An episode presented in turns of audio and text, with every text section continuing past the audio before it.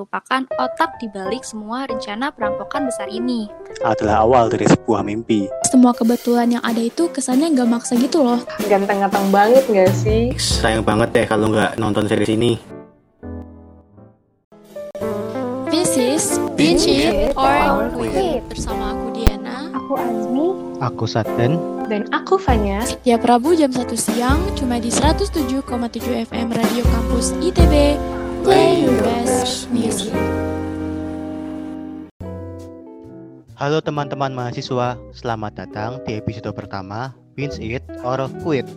Bersama announcer kita hari ini ada aku Saten, Asmi, Fanya, dan Diana. Gimana nih kabarnya teman-teman? Buat yang TPB, gimana nih satu semester online-nya? UAS udah kelar, artinya kita bisa liburan atau refreshing. Tapi liburan gini enaknya kita ngapain ya? Mau refreshing keluar rumah, tapi susah nggak sih karena situasi pandemi gini? Nah, daripada kamu bangun di rumah, mending binge watching aja atau akrab dikenal dengan marathon series atau film di Netflix. Tapi tapi series atau film di Netflix kan banyak banget. Malah jadi bingung gak sih mau nonton apa? Tenang teman-teman, di podcast ini kita bakalan ngasih tahu nih series apa aja sih yang worth untuk kamu binge watch supaya kamu nggak kebingungan lagi loh. Nah, hari ini kita akan bahas beberapa series yang sempat hits nih dan banyak dibicarakan di sosmed atau mungkin kamu lewatkan karena chaos kuliah atau karena kalian ragu nih apakah ini series bener-bener bagus. Mulai dari sinopsis ceritanya, tema atau permasalahan utama ceritanya, genre, dan mungkin spoiler alert. Tapi dijamin kok, nggak bakal ngurangin esensi keseruan kamu pas nanti nonton. Terus kita juga bakal bicarain juga tentang latar atau settingan siapa-siapa aja aktornya yang mungkin aja kamu tahu dan bikin kamu lebih tertarik untuk buat nonton ini lagi. Maka dari itu, without further ado, langsung aja check it out.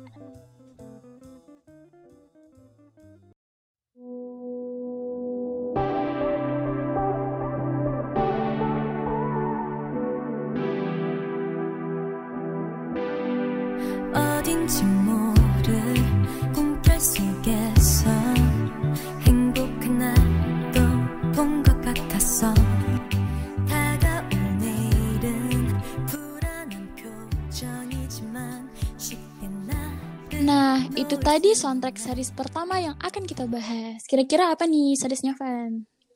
Nah, yang pertama ada drama seru asal Korea Selatan yang wajib banget buat teman-teman tonton loh. Ya, bener banget. Drama ini tidak hanya menjanjikan kisah romansa biasa, tetapi juga menceritakan tentang kehidupan bekerja di perusahaan rintisan. Tentunya disertai konflik-konflik yang menarik, mulai dari triangle love sampai konflik kakak beradik. Apalagi kalau bukan Starfall.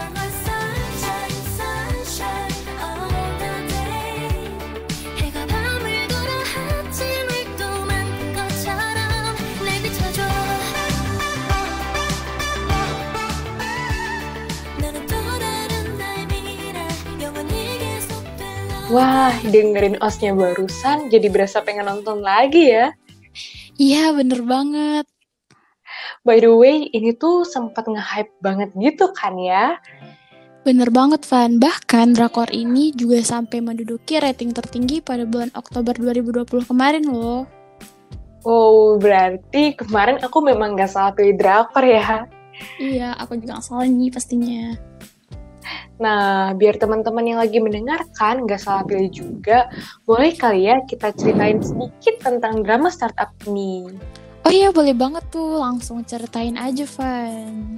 Oke, jadi drakor ini bercerita tentang dua orang kakak beradik bernama So Inje dan Sodalmi yang hubungan kedua orang tuanya kurang harmonis gitu, sehingga mengharuskan mereka untuk hidup berpisah.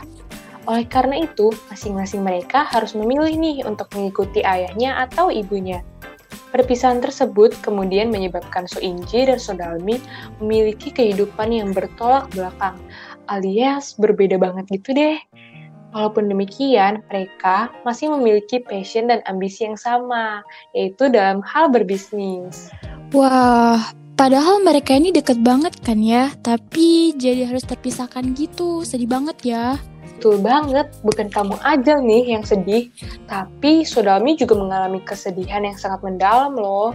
Nah, tapi oleh karena itu, nenek dari Sodalmi atau yang dalam bahasa Koreanya Harmoni meminta tolong nih kepada seorang pemuda untuk menghibur Dalmi dengan menjadi sahabat penanya.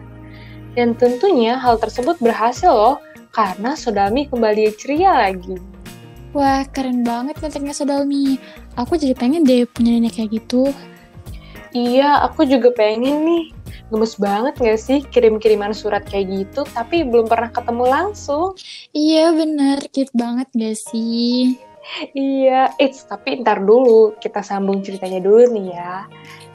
Sebenarnya pemuda ini gak pakai nama aslinya dia nih waktu surat menyurat sama Dalmi, alias dia pakai nama orang gitu. Dan karena satu alasan, pemuda tersebut gak bisa melanjutkan menjadi sahabat pinanya Dalmi lagi. Alias mereka udah berhenti surat-suratan.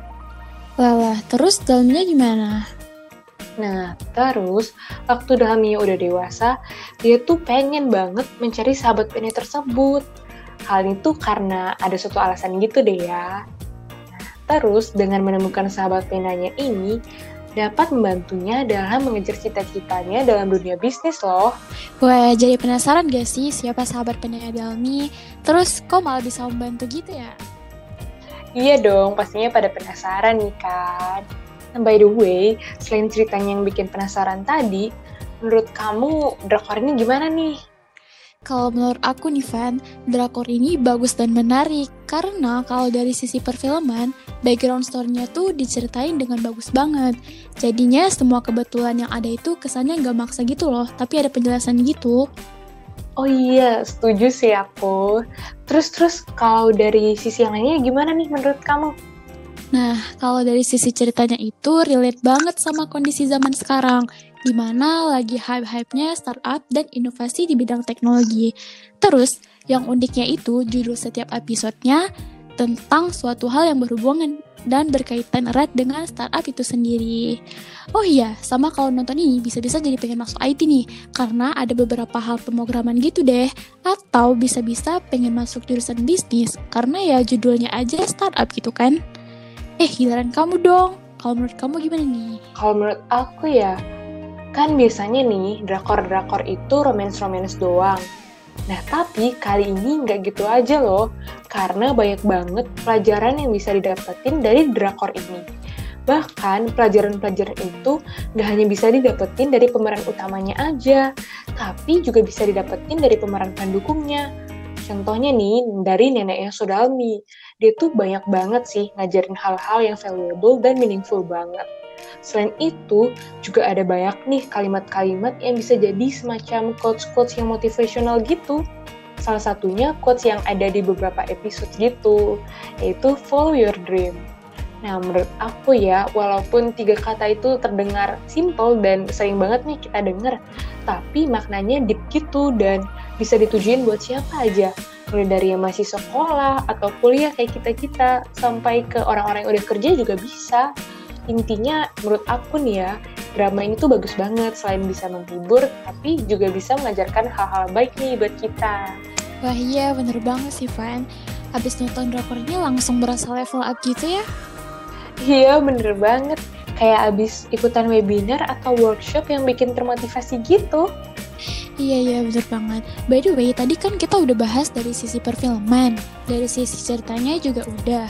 Jadi sekarang aku mau berpendapat dari sisi pemainnya nih. Nah, jadi pemeran utamanya ini kan Sodalmi tadi.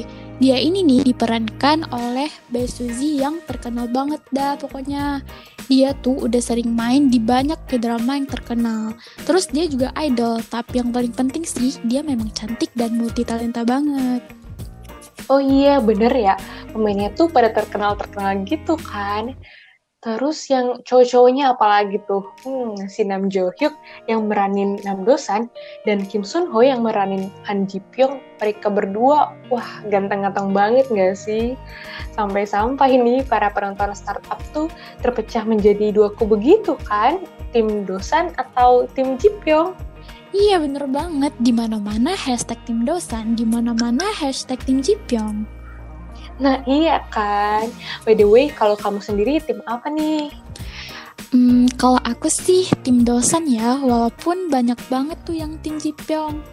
Eh sama dong, aku juga tim dosar loh. Wah, aku udah takut nih, kirain kamu tim Jipyong lagi. Terus isi podcast ini sisanya bakal berantem deh. Enggak kok, tenang aja. By the way, buat teman-teman yang tim Jipyong di mana pun kalian berada, tolong banget ya jangan emosi sama kita berdua. iya, jangan ya teman-teman. Kan itu cuma sebatas drakor. Iya nih.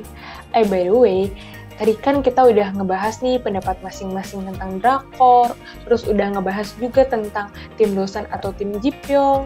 Gimana kalau kita sekarang langsung aja ambil kesimpulannya?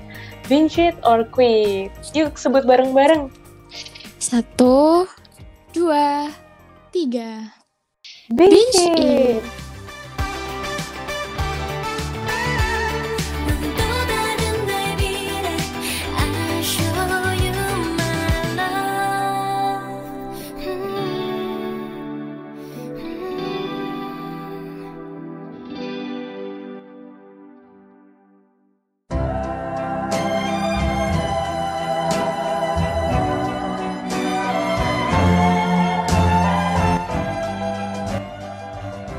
Selanjutnya ada lagi nih series yang gak kalah seru dari yang udah dipaparin sebelumnya. Series ini bercerita tentang dunia catur. Buat kalian yang hobi main catur, series ini wajib banget buat ditonton. Tapi buat kalian yang gak jago main catur, juga jangan khawatir. Walaupun series ini bercerita tentang dunia catur, kalian nggak perlu jago nih main catur untuk menikmati keseruan series ini. Dengan drama dan alur ceritanya, series ini berhasil menyulap permainan catur yang terlihat menonton dan membosankan menjadi menarik dan penuh ketegangan. Habis lihat series ini nih, yakin deh pandangan kalian tentang dunia catur bakalan berubah. Bener banget. Padahal kan ya, aku pikir dulu tuh main catur ya tinggal jalan. Terus makan aja gitu. Tapi ternyata parah sih. Rupanya main catur juga seribet itu taktiknya. So pasti, teman-teman jadi penasaran kan sama series yang satu ini? Langsung aja kita bahas The Queen's Gambit. Don't make me over. Now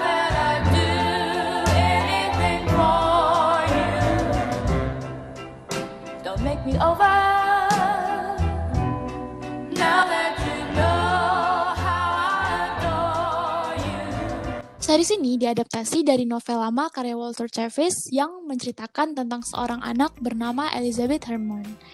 Pada awal episode, penonton disuguhkan dengan kisah masa kecil Beth Harmon yang ditinggal mati ibunya karena bunuh diri. Sedih banget kan ya, mana masih anak kecil lagi. Iya, nah karena sebatang kara tadi, dia dimasukin ke panti asuhan nih. Akibat masa kecilnya yang suram, dia tumbuh menjadi gadis yang dingin dan tertutup. Terus di panti asuhan tadi, dianya gimana dong? Di panti asuhan, dia susah banget nih bergaul sama anak-anak panti, kecuali Jolin yang akhirnya jadi teman baik Beth. Bener. Nah, pasti teman-teman juga penasaran nih, catur-caturannya di mana? Di sini nih, Beth Harmon bertemu dengan Mr. Saibel, petugas kebersihan panti sekaligus yang perkenalkan catur pada Beth.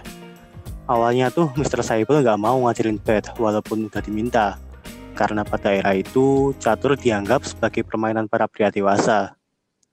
Wow, sedangkan Beth kan perempuan dan masih kecil lagi kan ya waktu itu. Bener, tapi karena kegigihan Beth, Mr. Saibel akhirnya nyerah nih dan ngajarin trik-triknya kepada Beth. Dan ternyata Beth ini cepet banget belajarnya. Nah, kagum akan kecerdasan Beth, Mr. Shebel memutuskan untuk memanggil temannya yang merupakan seorang pembimbing klub catur. Nah, si Beth ini diajak nih sama pembimbing tadi buat sparring sama anak didikannya. Nah, gilanya, Beth yang baru belajar catur kurang dari setahun bisa ngalahin 12 orang murid klub catur dalam sekali main. Gila. Nah, terus singkat cerita, si Beth ini diadopsi keluarga angkatnya. Awal-awalnya bahagia nih, tapi lama-kelamaan makin kelihatan kalau ternyata keluarga barunya itu nggak harmonis. Waduh, padahal udah sempat seneng banget pasti ya karena udah diadopsi gitu. Iya, sedihnya lagi, beberapa waktu kemudian ibu angkat Beth diting- ditinggal kabur oleh suaminya. Akibatnya, mereka berdua mengalami kesulitan ekonomi. Bahkan nih, untuk membiayai Beth yang mau mendaftar turnamen catur, yang biaya pendaftarannya hanya 5 dolar pun ibunya nggak mampu. Nah, walaupun keadaan tidak mendukung, kecintaan Beth terhadap catur membuat dia tidak berhenti mencoba. Dia pun berusaha mencari pinjaman untuk mendaftar kompetisi catur itu tadi. Awalnya, dia dianggap pendatang, amatiran, tetapi lawan demi lawan berhasil ia kalahkan. Bahkan sang juara bertahan pun dengan mudah ia tumbangkan. Kemenangan manis Beth pada kompetisi pertamanya ini adalah awal dari sebuah mimpi. Berbekal ambisi, perjalanan jatuh bangun Beth untuk menjadi se- seorang Grandmaster dimulai dari sini. Widih, dari jalan ceritanya aja udah kelihatan seru banget nih ya. Setuju banget. Oh iya, BTW nih, kamu suka nggak sih main catur? Sebenarnya gak suka main catur, paliknya cuma tahu jalannya pion gimana, kuda gimana, dan lain-lain. Tapi series ini menurut aku bagus banget. Kenapa tuh? Bisa diceritain dikit nggak alasan kenapa series ini menurutmu bagus banget? Karena gini, walaupun series ini yang season satunya dikemas dalam 7 episode, tapi ceritanya, ceritanya itu padat banget dan seru. Kita juga nggak harus jago catur untuk merasakan keseruan dalam series ini. Latar yang diangkat juga berhubungan banget dengan isu zaman itu, kayak American Dream dan feminisme. Selain itu tuh ya, aku tuh suka banget sama Anya Taylor-Joy karena aktingnya itu selalu sukses peranin karakter dalam ceritanya.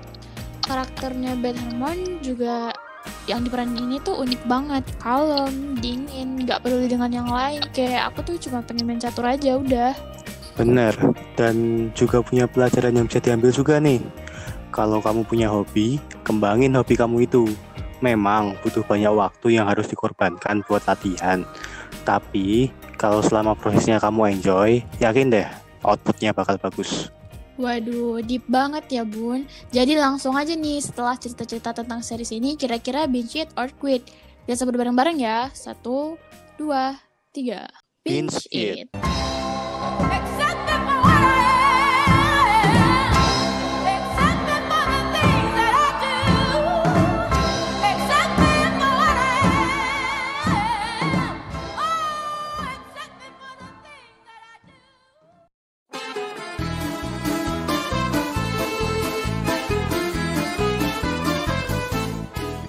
Selanjutnya kita punya rekomendasi series dengan tema drama kriminal nih. Pasti teman-teman semua udah nggak asing lagi deh sama series ini. Penuh dengan langkah sistematis, antisipasi, serta perhitungan matang. Serial atau film tentang perampokan selalu menyenangkan untuk tonton. Buat kamu yang pernah kena Netflix, sayang banget deh kalau nggak nonton series ini. Series ini berjudul La Casa di Papel atau lebih kita kenal dengan sebutan Money Heist. Ciao, vela ciao, vela ciao, ciao, ciao. Una mattina mi sono alzato e ho trovato l'invasor, un partigiano, portami via. Oh vela ciao, vela ciao, vela ciao, ciao, ciao. Partigiano, portami via, che mi sento di morire. Series ini sejauh ini punya empat bagian. Dengan bagian pertama mulai tayang pada tanggal 20 Desember 2017, lalu bagian keempat belum lama rilis, 3 April 2020. Gara-gara alur ceritanya yang kelewat seru dan sulit ditebak, series Money Heist ini berhasil memecahkan rekor sebagai film dengan penonton terbanyak di Netflix. Selain itu, series ini juga berhasil memenangkan kategori Best Drama Series International Emmy Awards tahun 2018. Kurang keren apa coba? Nah, biar teman-teman tambah yakin nih, boleh nih Asmi ceritain dikit tentang garis besar series ini. Nah, jadi series ini tuh menceritakan tentang sekelompok perampok yang berasal dari berbagai latar belakang yang berbeda. Mereka itu berusaha untuk merampok salah satu bank terbesar di Spanyol. Komplotan perampok ini dipimpin oleh seorang pria yang menjatuhkan mereka, yang biasa disebut oleh El Profesor. Profesor inilah yang merupakan otak di balik semua rencana perampokan besar ini. Bukan sekedar ngerampok bank nih, mereka juga menyekap seluruh orang yang ada di dalam bank tersebut, baik semua pegawai dan petingginya maupun pengunjung yang sedang berkunjung ke bank tersebut. BTW nih, biar teman-teman yang belum nonton makin penasaran sama series ini, gimana kalau kita spoiler dikit-dikit? Nah, boleh banget tuh. Berhubung aku juga baru mulai nonton seriesnya. Dan langsung loncat ke part 4. Jujur aja, pas aku awal nonton lumayan kaget. Ah, baru episode awal kok udah tegang banget gini? Belum apa-apa udah kelima saja.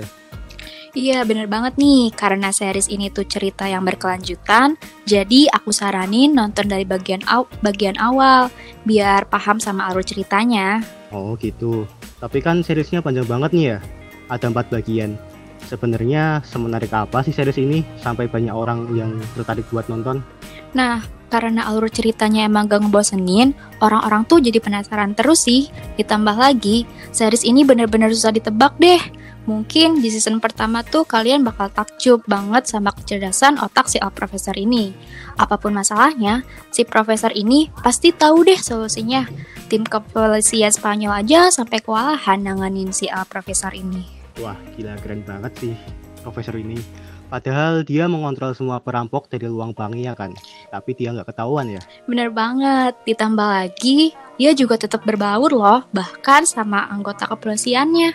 Nah, tapi lama-kelamaan tuh, kelemahan si profesor ini mulai kelihatan nih, sampai-sampai penyamaran dia tuh ketahuan sama tim kepolisian. Wah, berarti series ini banyak banget konfliknya ya. Bukan sekedar ngerampok bank biasa. Pantes aja nih, banyak banget orang yang suka. Bener banget nih, baik konflik antara perampok polisi sama korban yang disekap, perampok sama perampok, ada juga bumbu-bumbu cinloknya. nah, pengkhianatan pun pengkhianatan pun ada loh. Oh iya, kalau ngomongin series atau film nih ya, belum afdol nih kalau kita belum bahas aktor sama aktrisnya. Kalau saya nih, sejauh ini siapa sih peran favorit kamu di Money Heist? Pastinya si Tokyo dong. Aku kagum banget nih sama karakter dia yang berani bertindak dan ambil resiko. Contohnya pas Nairobi lagi kritis dan perlu tindakan medis, dia nggak ragu buat jadi orang yang mimpin operasi buat menyelamatkan si Nairobi ini. Kalau kamu siapa nih? Apa jangan-jangan profesor? Karena dari tadi kayaknya kamu atur banget nih sama profesor. Wah, sayangnya peran favorit aku bukan El Profesor nih.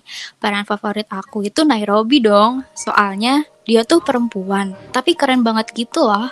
Pinter, terus dia tuh kalau ambil keputusan nggak pinplan atau banyak galaunya deh kayak cewek-cewek biasa. Terus cerita di balik dia ikut ngerampok tuh menyentuh banget deh. Kalau yang udah nonton Money Heist pasti tahu kan ya. Wah, jadi penasaran nih. Buat teman-teman yang penasaran juga, sabi langsung aja nonton seriesnya. Ngomong-ngomong tentang Money Heist nih, ada sesuatu yang ikonik banget dari series ini. Selain lagu Ciao Bella yang udah kita puterin tadi, kamu tahu nggak kira-kira apa? Oh, aku tahu nih. Apalagi kalau bukan topeng Dali sama baju overall all merah itu nggak sih? Ya nggak sih? Bener banget nih, si topeng Dali dan baju overall merah ini selain dipakai para perampok untuk menyamar, tapi seragam ini juga dipakaikan ke semua orang yang disekap, plus mereka juga dibeli senjata palsu. Ini pun merupakan salah satu trik mereka untuk mengelabui para polisi. Nah, FYI juga nih, sejak series ini naik daun, si topeng Dali dan lagu Bella Ciao ini menjadi ikon yang melambangkan perlawanan.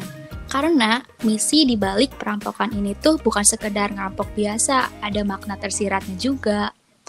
Nah, terakhir nih, sebelum kita tutup segmen ini, menurut kamu nih, meskipun belum beres ya nonton seriesnya, kira-kira series ini worth it gak sih buat ditonton? Kalau menilai sejauh dari yang aku nonton sejauh ini nih, menurutku worth it banget sih. Baru nonton beberapa episode aja, aku udah langsung ke bawah sama suasana tegang film di film ini. Kalau dilanjutin pasti deh seru banget. Kalau menurut kamu gimana nih? Worth it dong pastinya, lumayan kan ya buat mengisi waktu libur juga. Bener banget. Ditambah lagi kan sekarang lagi PSBB kan ya. Kita nggak bisa ke mana-mana daripada gabut doang di rumah. Mending sambil maraton nonton ini.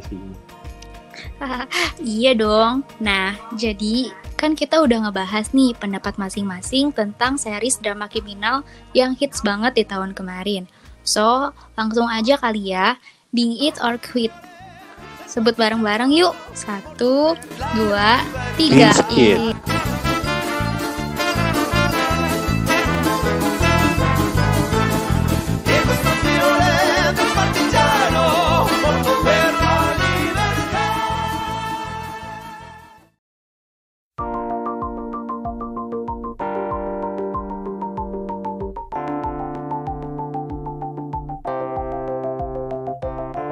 Nah, tadi kan udah ada drama Korea nih, terus udah dibahas juga tentang drama sejarah, drama kriminal. Sekarang kita bakal ngebahas drama lainnya nih, yaitu drama komedi yang pastinya nggak kalah hype dibanding drama-drama lainnya. Wah, drama apa tuh? Kasihin sedikit boleh kali, Van? Oh, boleh-boleh. Hintnya itu aku kasih yang gampang deh ya, yaitu um, A Girl in the City of Light. Hmm, City of Light itu kan julukan kota Paris nggak sih? A girl berarti a girl in Paris. Oh, Emily in Paris sih, fix banget. Nah, bener banget. Gampang kan ya dari aku? Iya, iya, gampang. BTW, pasti teman-teman yang berlangganan Netflix udah nggak asing lagi gak sih denger judul drama komedi yang satu ini? Iya, pastinya dong. Walaupun drama Emily in Paris ini baru rilis bulan Oktober 2020 kemarin, tapi udah terkenal banget di mana-mana dan ratingnya juga lumayan kok pas aku searching kemarin. Eh bener banget, aku nonton Emily in Paris karena ngeliat ratingnya cukup bagus dan pa- pas aku nonton emang bagus sih. Iya kan? Nah, tadi kan kita udah ngasih tahu nih kalau ratingnya tuh bagus. Sekalian aja kali ya kalau kita ngasih tahu gimana sih cerita Emily in Paris ini. Oh iya, boleh banget tuh. Langsung aja kali ya kita ceritain, mulai dari kamu aja. Oh, Oke, oke. Jadi Emily in Paris itu literally ceritain tentang seorang cewek nih, namanya tuh Emily. Dia bekerja di marketing firm di Chicago. Nah, terus dia tuh dipercayai oleh bosnya untuk ke Paris selama setahun dengan tujuan memberikan perspektif sebagai orang Amerika di marketing firm di sana. Jadi kayak kerjasama gitu deh. Nah, tapi perjalanan dia di Paris nggak semudah yang dia bayangkan, karena kan dia emang nggak terlalu bisa bahasa Prancis.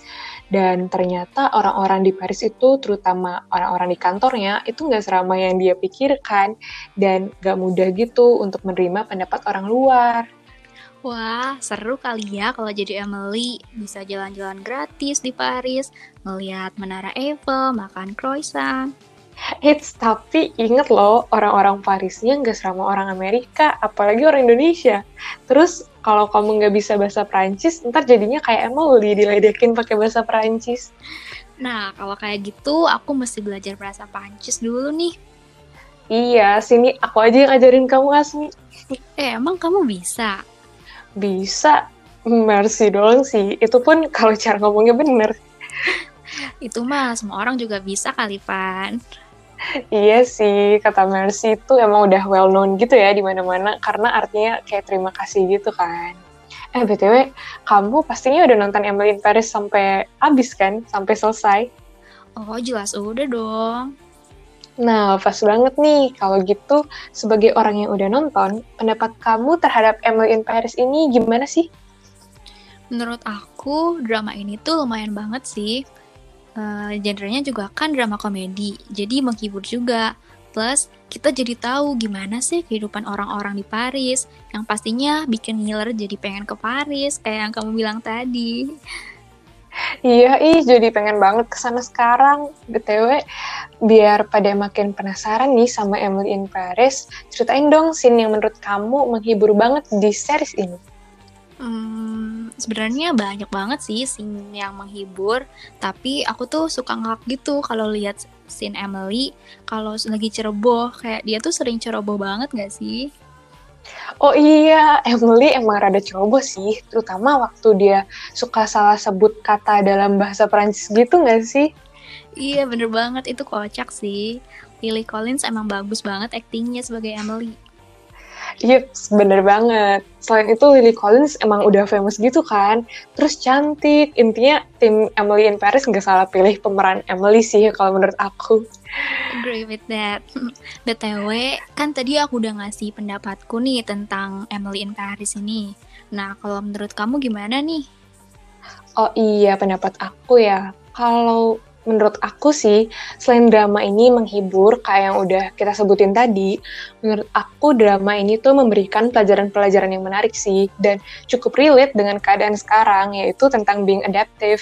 Karena walaupun Emily itu nggak bisa bahasa Prancis, terus kultur orang Amerika dan Prancis ada beberapa perbedaan, terutama dalam hal pekerjaan ya. Tapi Emily itu nggak menyerah begitu aja. Dia tetap berusaha beradaptasi, berusaha fit in tentunya, tapi tanpa menghapus identitasnya sebagai orang Amerika. Dan akhirnya dia tuh berhasil beradaptasi dengan baik di sana dan sampai orang-orang atau rekan-rekan kerjanya yang awalnya kurang bisa menerima dia, bisa menerima dia dengan baik gitu. Wah, iya juga ya. Relate banget gak sih kayak kita sekarang nih being adaptive to online class and also new normal. Yeah, that's true.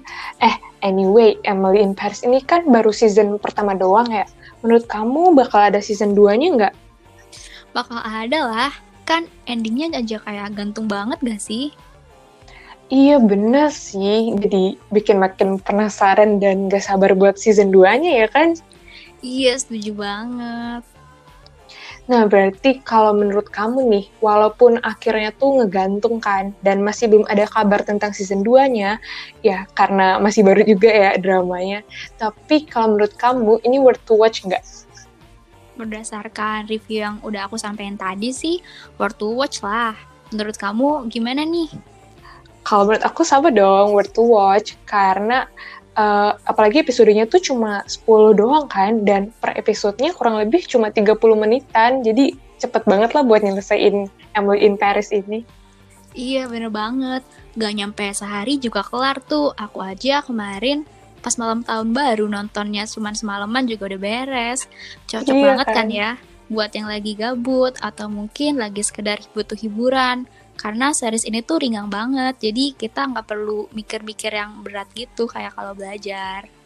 Iya bener banget, cocok nih buat kaum kaum rebahan atau mungkin kaum kaum ambiar kali ya. So gimana nih kalau kita langsung aja narik kesimpulan binge it or quit?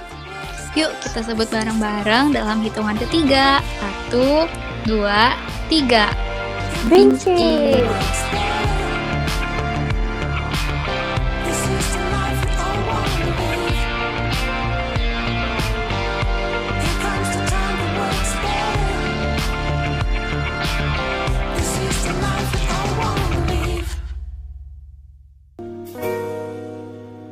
Nah, itu dia teman-teman, series for watching Binge It or Quit. Gimana nih? Seru banget kan rekomendasi seri-seri kita tadi. Buat kalian yang gabut, wajib banget deh nonton. Gak bakal nyesel deh, janji. Yap, bener banget. Dan gak kerasa nih kita udah sampai di penghujung siaran kita.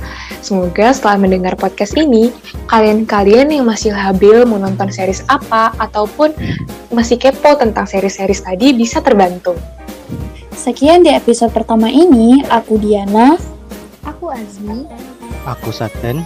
Dan aku Fanya, Pamit undur diri and see you on another episode of Binge It or Quit.